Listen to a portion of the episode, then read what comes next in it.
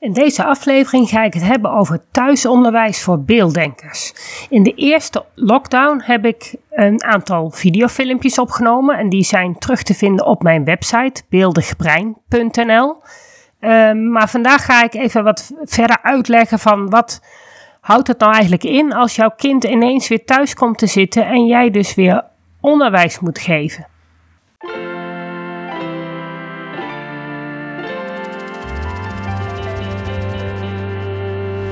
Welkom bij de Beelddenkers podcast. Ik ben Natasja Esmeijer van Beeldig Brein en de schrijfster van het boek Beelddenkers als kwartjes vallen. Ik neem jullie mee in de wereld van de beelddenkers. Beelddenkers zijn creatieve, intelligente en zorgzame mensen, maar ze hebben moeite met onze vluchtige, snelle maatschappij. Dat begint al op school en het werkt door in het werkende leven. Ik ga in gesprek met leerkrachten, ouders van beelddenkers en met de beelddenkers zelf natuurlijk.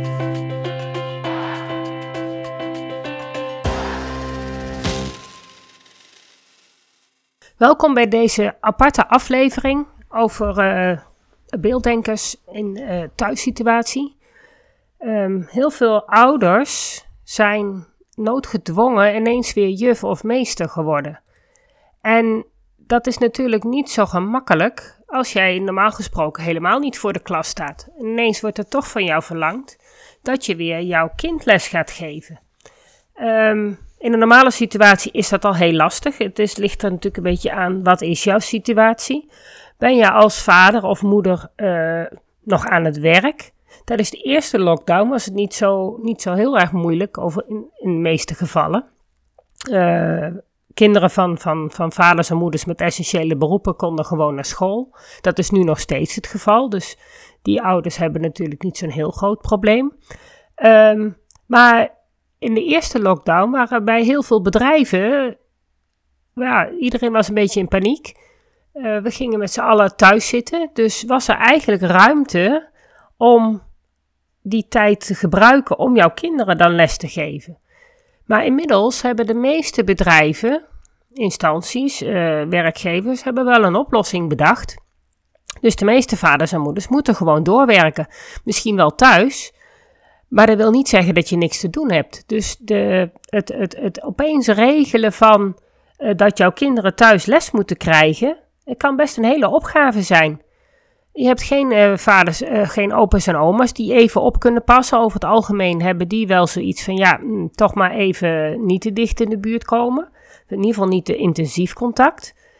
Dus waar het in de eerste lockdown eigenlijk nog neerkwam op ouders die zelf uh, hun kinderen opvingen, ja, die moeten misschien nu toch naar, naar hun werk. En als jij niet een essentieel beroep hebt, kan je kind ook niet zomaar op school terecht. Dus dat is best een hele lastige situatie.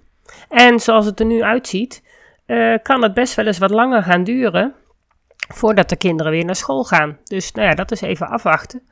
Maar voor de tussentijd heb ik eigenlijk een klein beetje een aantal tips. En um, ja, een beetje van hoe gaat dat nou? Uh, je hebt natuurlijk de ene beelddenker is de andere niet. Je kan niet zeggen van, oh, we hebben een beelddenker, dus het werkt op deze manier. Nee, zo werkt dat helemaal niet. Ze zijn allemaal anders. Um, maar wat je wel heel sterk tijdens zo'n lockdown, tijdens dat thuisonderwijs, um, kan merken aan je kind, is uh, hoe goed het op school mee kan komen. En hoe goed het aansluit bij de gangbare uh, methode die, die er op school is. Er zijn natuurlijk diverse methodes voor het lezen, het rekenen. Um, ja, en, en niet elke methode is even beelddenkvriendelijk. Ik heb methodes gezien waarbij er echt ongelooflijk veel rekensommetjes gemaakt moesten worden. Heel veel kale sommen, waarbij je als jij um, als beelddenker op een gegeven moment hebt uitgevogeld hoe jij een rekensom moet maken, um, ja, dat je niet ge geen zin hebt om dat elke keer maar weer te laten zien. Um, taaldenkers die hebben er eigenlijk minder moeite mee. Die, die vinden het wel fijn om gewoon lekker te laten zien wat ze kunnen. Oh ja, rekensom, dat weet ik, kan ik uitrekenen, doe ik dan ook. Die, die, die stellen daar geen vragen bij. Een, een beelddenker die heeft zoiets van ja, ik heb nou toch laten zien dat ik het kan. Nou moet het genoeg zijn. Die willen niet oefenen. Die hebben dat oefenen ook niet nodig. hebben ze misschien wel nodig, maar hebben ze niet nodig om tot het inzicht te komen in hoe ze moeten rekenen. En hebben dus wel problemen met dat steeds weer te laten zien dat ze het kunnen. Het geeft hun geen uh, prettig gevoel dat ze die som op kunnen lossen. Zij weten hoe het moet en dat moet genoeg zijn. En die, ze raken juist gefrustreerd als ze dat steeds weer moeten laten zien. Um, dus dat is een stukje methode. Uh, er zijn natuurlijk ook methodes waarbij je heel veel juist uh, allerlei soorten um, sommetjes krijgt. die zitten allemaal in een verhaaltje verpakt. Dan heb je minder sommen te maken. Is het dus wel een iets leukere uitdaging. Dan ligt er het een beetje aan uh, of, of je als kind of jij in staat bent om te begrijpen wat ze precies bedoelen elke keer met die verhaaltjes. taaldenkers die hebben dat dat taalstuk eigenlijk vrij makkelijk in de vingers. En die kijken een keer naar die som en dan lezen ze een keer goed. En dan hebben ze eigenlijk al vrij vlot door wat nou de som achter het verhaaltje is. Bij beelddenkers zullen dat nog wel eens problemen opleveren. Die hebben niet altijd door wat, wat, wat er nou precies van hun gevraagd wordt. En zijn dus heel lang bezig met uh, het uitvinden wat het sommetje is, wat wat in dat verhaaltje verborgen zit. En dat kan ook wel eens frustratie opleveren. Sommige beelddenkers zijn daar juist heel goed in. Dus ook hier weer, uh, de ene beelddenken is de andere niet. Maar voor sommigen kan dat best wel, uh, die, die hebben al moeite met die sommen. Die hebben liever gewoon kale sommen. Dat ze weten van, hé, hey, dat moet ik uitrekenen en uh, dat moet ik een paar keer oefenen. Dat, dat, dat, ja. Dus, dus het, het bundelen van diezelfde soorten sommen zou op zich wel prettig zijn. Maar dat zijn de methodes. Um, waar ik het eigenlijk over wil hebben is van, nou, we hebben de kinderen nu thuis. Dat kan natuurlijk uitlopen op één groot drama. Uh, kinderen die zijn gewend om lekker hun energie kwijt te raken. Die zijn gewend om met vriendjes te spelen. Die zijn eigenlijk de hele dag weg. Eerst naar school. En daarna zijn ze bij een vriendje spelen. Of er komt een vriendje of vriendinnetje bij hun spelen. Maar ze zijn eigenlijk de hele dag worden ze bezig gehouden. En nu ineens valt dat dus helemaal weg. We zijn er inmiddels wel een beetje aan gewend, maar toch, het blijven lange dagen die je door moet komen. Zeker nu het winter is, uh, je kan de kinderen niet lekker naar buiten sturen. Met een beetje redelijk weer, oké, en je hebt een trampoline, dan kun je ze best nog wel zeggen van ga die trampoline maar op, uh, doe even lekker springen. Raak je de energie nog een beetje kwijt. Maar ja, ze missen ook het sociale contact. Um, je zit met z'n allen op, op, op een hoopje. Je, je moet misschien allemaal in dezelfde huiskamer werken, huiswerk maken is aan de andere kant ook wel prettig, want dan heb je ze in het zicht. En weet je wat ze aan het doen zijn. En op het moment dat zij, als jij kinderen hebt die gewoon zelf aan het werk kunnen, ja, dan kan het allemaal best nog wel redelijk soepel verlopen. Maar heb jij kinderen die uh, of, het, of het, leren heel moeilijk vinden, die hebben dus continu aandacht nodig. Uh, eigenlijk continu uitleg nodig. Maar heb jij kinderen die bijvoorbeeld heel um, gevoelig zijn en daarnaast een sterke wil hebben, dan heb jij misschien kinderen die gewoon helemaal in opstand komen en zoiets hebben van ja, maar ik ga dat helemaal niet doen en ik wil het niet zo op deze manier. Sommige kinderen die hebben echt heel erg structuur nodig. Die, um, die, die missen dus echt de structuur van school van nu gaan we lezen, nu gaan we rekenen. Nee, ze hebben nu één pakket voor, voor, voor een hele week. Uh, daar moeten ze het mee doen. En ze missen die sturing. Ze missen nou ja, een beetje de uitleg van de juf. Uh, het vriendelijke gezicht van de juf. Uh, ja, bedoel, een juf is meer dan iemand die les geeft. En een klas is meer dan een aantal kinderen die je bij elkaar zet die hetzelfde moeten leren. Het is een eenheid. Dat als, als een klas goed functioneert, dan, dan, dan kunnen ze daar heel veel steun en, en gezelligheid en, en, en ja, en empathie. En daar kun je heel veel uithalen als kind. En dat valt allemaal weg. Thuis heb je alleen die vader en moeder die je de hele vakantie al hebt gezien. En die ga je dan ook nog eens vertellen uh, hoe jij je sommen moet maken. En dat doe je anders dan dat de juf doet. Dus dat kan best wel eens een, een heel lastig pakket zijn. Zeker als kinderen toch al uh, als beelddenken moeite hebben met leren lezen, leren rekenen en ze zien dat, dat, dat rekenboek, dan kan het ook best wel eens zijn dat nu alle stress die zij op school oplopen bij het, um, het, het, het, het, leren rekenen, ja, die, dat kan best wel eens zijn dat, die, ja, dat dat er nu allemaal uitkomt. Dat ze dus, soms heb je kinderen die ineens op bij het zien van dat rekenboek ineens beginnen te huilen. En te huilen en te huilen en, en je komt er niet meer door. En dan vraag je je als moeder af, of als vader, ik bedoel, dat, dat heeft niks met vaders of moeders te maken, um, van waarom gaat mijn kind nu ineens zulke heftige emoties laten zien? Terwijl het dat op school eigenlijk niet doet. Want op school, ja, dan, dan had je dat als ouder wel geweten. Dan had de juf wel uh, naar je toegekomen. Wel, goh, elke keer als Pietje moet rekenen, dan moet Pietje huilen. Nou, dat, ja, dat, dat vindt een juf niet normaal, dus die meldt dat wel. Maar dat heb jij niet gehoord, dus waarom moet Pietje nu ineens, als hij met jou moet rekenen, zo hard huilen? Dat zou er dus heel goed kunnen zijn dat Pietje in de klas um, heel erg zijn best moet doen om maar bij te blijven. Om maar te begrijpen wat juf allemaal vertelt en wat hij moet doen met die sommen. Het kan heel goed zijn dat de methode die de juf uitlegt helemaal niet door hem begrepen wordt. En als dat het geval is, eh, kan een kind niet bij zichzelf bedenken van nou, uh, de juf zou het wel eens op de verkeerde manier uit hebben gelegd, of in ieder geval op een manier die voor mij niet handig is, die ik niet begrijp, waardoor ik het niet snap. Ik kan wel eens aan juf vragen of ze het anders uit wil leggen. Nee, een, een kind en zeker beelddenkers, beelddenkers zijn heel goed in zichzelf aanpassen. Dus wat doet jouw Pietje? Pietje die gaat denken van, nou ja, uh, iedereen die kan het op deze manier, dus zou ik het ook op deze manier moeten kunnen. En als zij het wel kunnen en ik niet, dan zal ik wel dommer zijn. Dus nou ja, moet ik toch beter mijn best doen. Maar Pietje heeft wel continu stress van.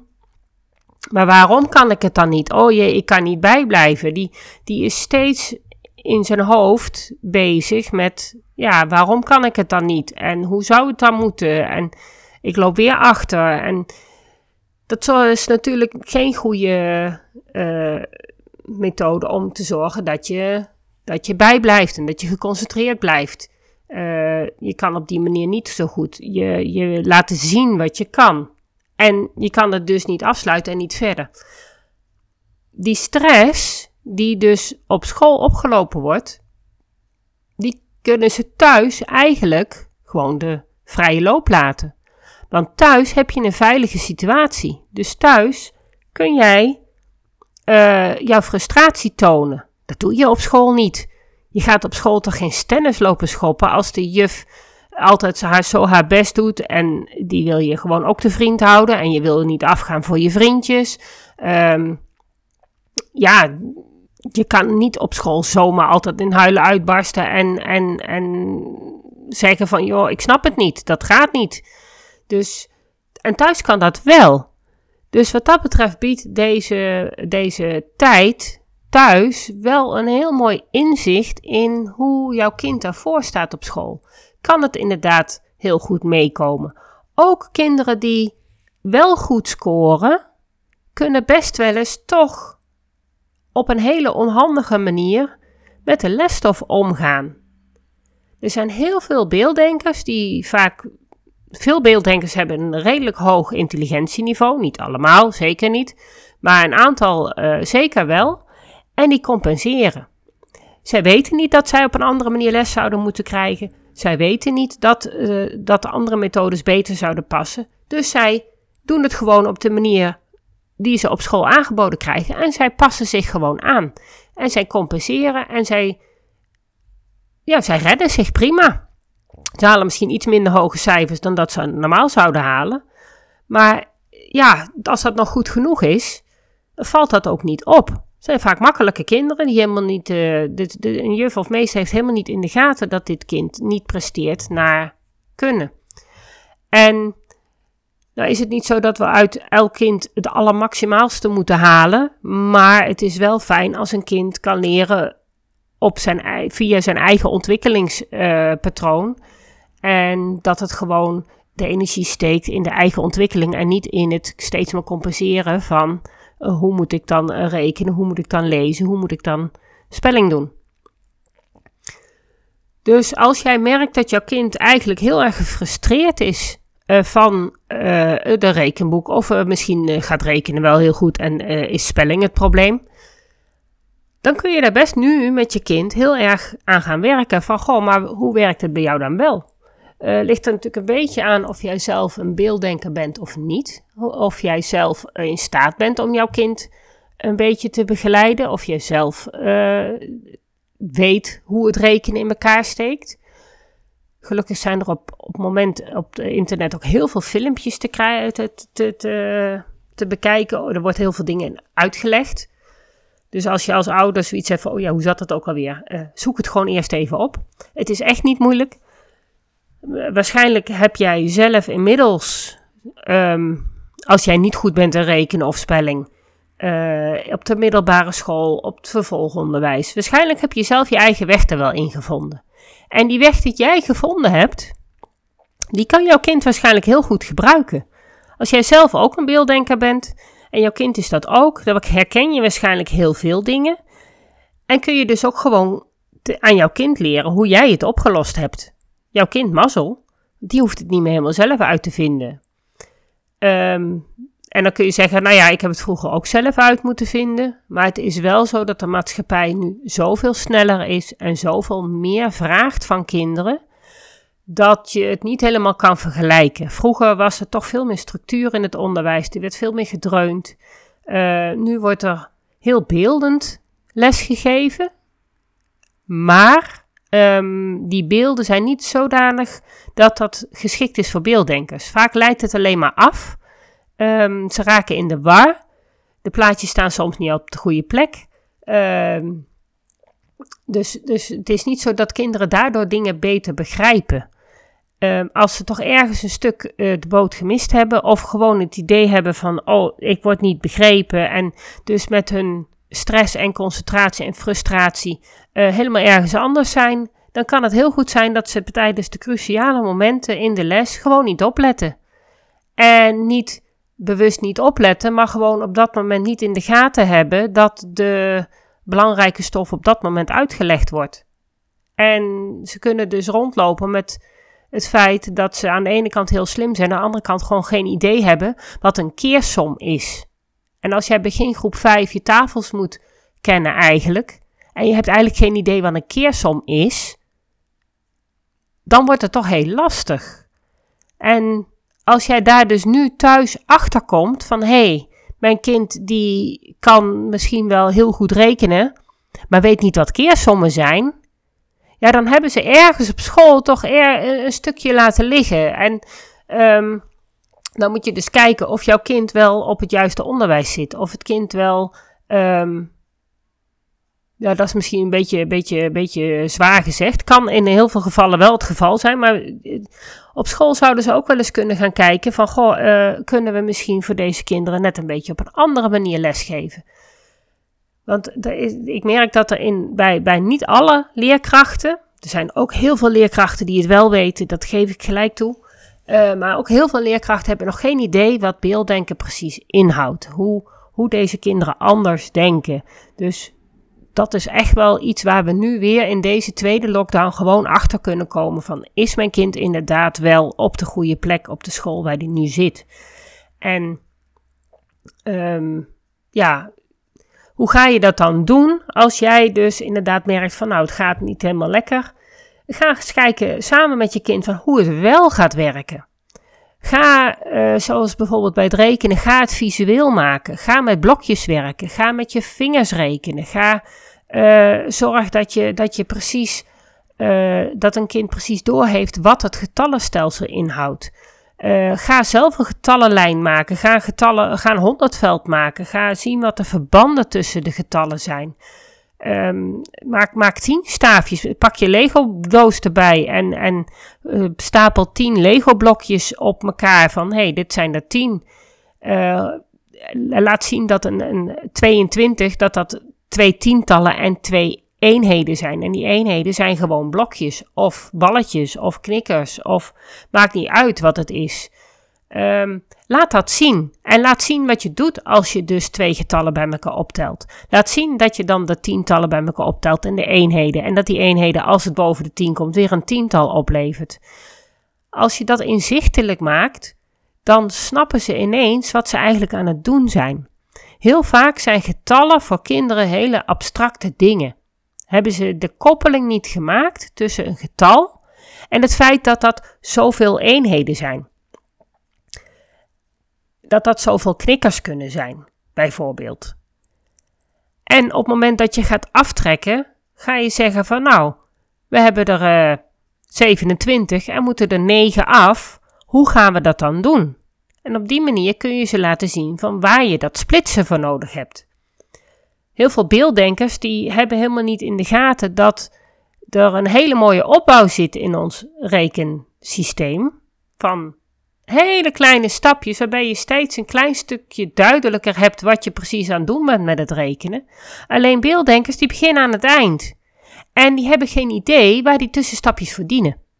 Dus als je merkt dat jouw kind niet kan splitsen, maar wel goed som uit kan rekenen, dan betekent dat dat je dus even het totale plaatje moet schetsen. Dat je moet laten zien waar je dat splitsen voor nodig hebt. Dat je dat splitsen nodig hebt als jij aan het uh, optellen of aftrekken bent, dat je dat splitsgetal nodig hebt om aan te vullen tot 10.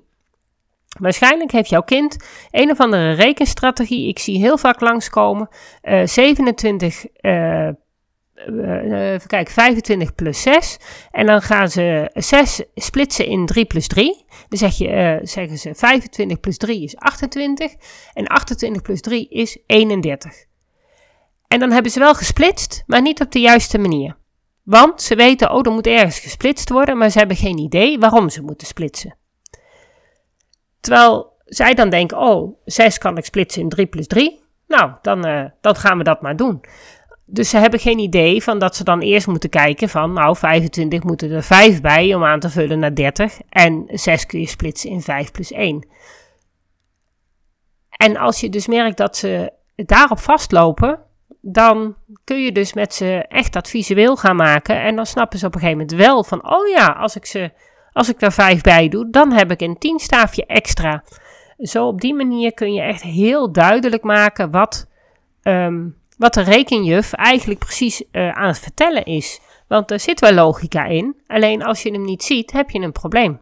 En daar kunnen we nu deze tijd heel goed voor gebruiken om door te krijgen van wat je kind wel ziet en hoe die het niet ziet.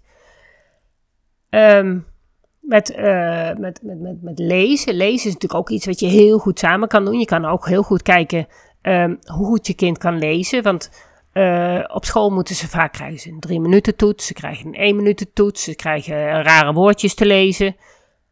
En het kan heel goed zijn dat beelddenkers heel goed kunnen lezen. Prima kunnen begrijpend lezen. Maar niet de tijd halen. Dus niet snel genoeg kunnen lezen om binnen de drie minuten te krijgen, eh, genoeg tekst te kunnen lezen. Dus ze halen de drie minuten toets niet.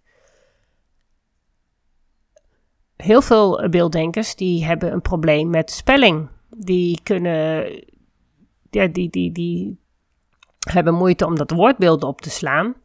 En die horen heel veel uh, letters, heel veel klanken die ze dan mee omzetten naar letters, waardoor ze eigenlijk vaak heel fonetisch schrijven.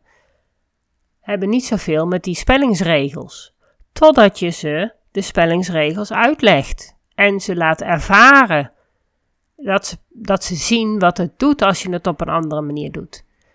Dus ga aan de slag met, met woorden opschrijven, woorden herhalen, woorden echt als plaatje opslaan dan gaan ze er bewust over nadenken en gaan ze begrijpen waarom je een woord op een gegeven moment moet schrijven zoals je het schrijft. En dat kan allerlei diverse redenen hebben. Nederlands is echt een hele moeilijke taal. Er zit, zit weinig logica in, het is niet fonetisch. We hebben heel veel uh, leenwoorden uit het buitenland. Voor een kind natuurlijk ook heel onlogisch. Dan heb je opeens een A en een I achter elkaar staan en dan moet je er een E van maken dat wordt een beetje, dat, ja, dat, dat is niet, niet duidelijk. En er zijn zo ontzettend veel spellingsregels en zoveel uitzonderingen dat het gewoon bijna niet te begrijpen is. Als volwassene is het vaak al heel moeilijk om het echt goed te doen. Ik heb er zelf ook nog moeite mee om een D en een T op de juiste plek te zetten. En ik weet echt wel hoe het moet, maar om dat steeds maar toe te passen is gewoon heel lastig. En als je dat niet geautomatiseerd hebt, en dat, is, dat automatiseren is bij beelddenkers nou eenmaal een groot probleem. Een probleem dat je niet zomaar op kan lossen. Dat kun je alleen maar oplossen door het echt eerst te laten begrijpen en het dan nog een paar keer te herhalen. En dan zal de ene wel tot automatiseren komen en de andere niet. Maar het is niet zo dat je, dat, dat, dat, dat je door het dan maar nog tien keer te laten doen, dat het dan ineens wel erin zit. Het automatiseren werkt echt anders dan bij taaldenkers. En dat is de frustratie die ze op school eigenlijk oplopen, is het feit dat ze, ja, dat, ze dat, dat, dat, dat automatiseren niet, niet lukt. En terwijl dat bij andere kinderen dus wel lukt. En dat is, dat is gewoon heel ja, niet fijn. En ze vergelijken zich en ze hebben niet in de gaten dat het bij hun gewoon anders werkt. En die frustratie die erin zit, die kunnen wij er thuis uithalen. Je kan thuis met ze aan de gang. Je kan thuis uitleggen ehm, waarom het bij hun anders werkt. Ik, ja, ik zou zij echt zeggen: lees mijn boek. Daar staat het in. Ga gewoon daarmee aan de slag samen met je kind. Kinderen die beelddenken zijn vaak slimme kinderen. Die kun je heel veel uitleggen. Zie ze niet als een, als een, als een kind, zie ze als een mini-mensje. Zie ze, hoe klein ze ook zijn, behandel ze als gelijkwaardig. Behandel ze ook als, niet als volwassene, maar wel als iemand waarmee je kan praten. Waarmee je gewoon dingen uit kan leggen. Eh, die, die gewoon hun eigen regie over hun leven willen hebben. En dus ook mogen hebben binnen grenzen. De grenzen, die moet jij stellen. Maar zij zijn echt kinderen die, als jij daar op een goede manier mee omgaat, als jij gewoon uh, genoeg informatie geeft, dat zij heel goed zelf kunnen ontdekken uh, waarom ze dingen moeten doen. En um, ook daar heb je nu kansen om te zorgen van, hey, ga daar mee aan de gang. Maak dat de, de verhoudingen gelijkwaardig worden. Gaan we nog heel even terug naar die kinderen met een sterke wil, hooggevoelige kinderen met een sterke wil. Ik ga daar nog een keer een andere podcast over uh, opnemen. Uh, dat zijn echt gewoon hele lastige kinderen, maar ze zijn vooral heel lastig voor zichzelf. Zij uh, zijn zo op zoek naar harmonie. Zij zijn zo op zoek naar um, hun eigen veiligheid, maar ook de veiligheid van anderen. Um, maar ze voelen zoveel. Ze voelen alles van de ander, wat allemaal bij hun binnenkomt. En ze kunnen dat niet plaatsen. En hun gedrag is vaak heel um, uh, vervelend. Uh, daar heb je echt last van. Ze zijn, ja, ze, ze, ze, doordat ze zo'n sterke wil hebben en ze die vaak ook uiten, um, ja, en, en, en het niet lukt om die, die, die harmonie te krijgen, want ja, hun gedrag uh, veroorzaakt juist het tegenovergestelde van harmonie. Um, maar dat maakt dus dat het eigenlijk alleen maar in hunzelf heel erg escaleert. Waardoor ze juist die woedeaanvallen krijgen. En juist zo. Um, ja, ja, dat, dat, dat slaan, schoppen, schelden, alles, alles komt langs.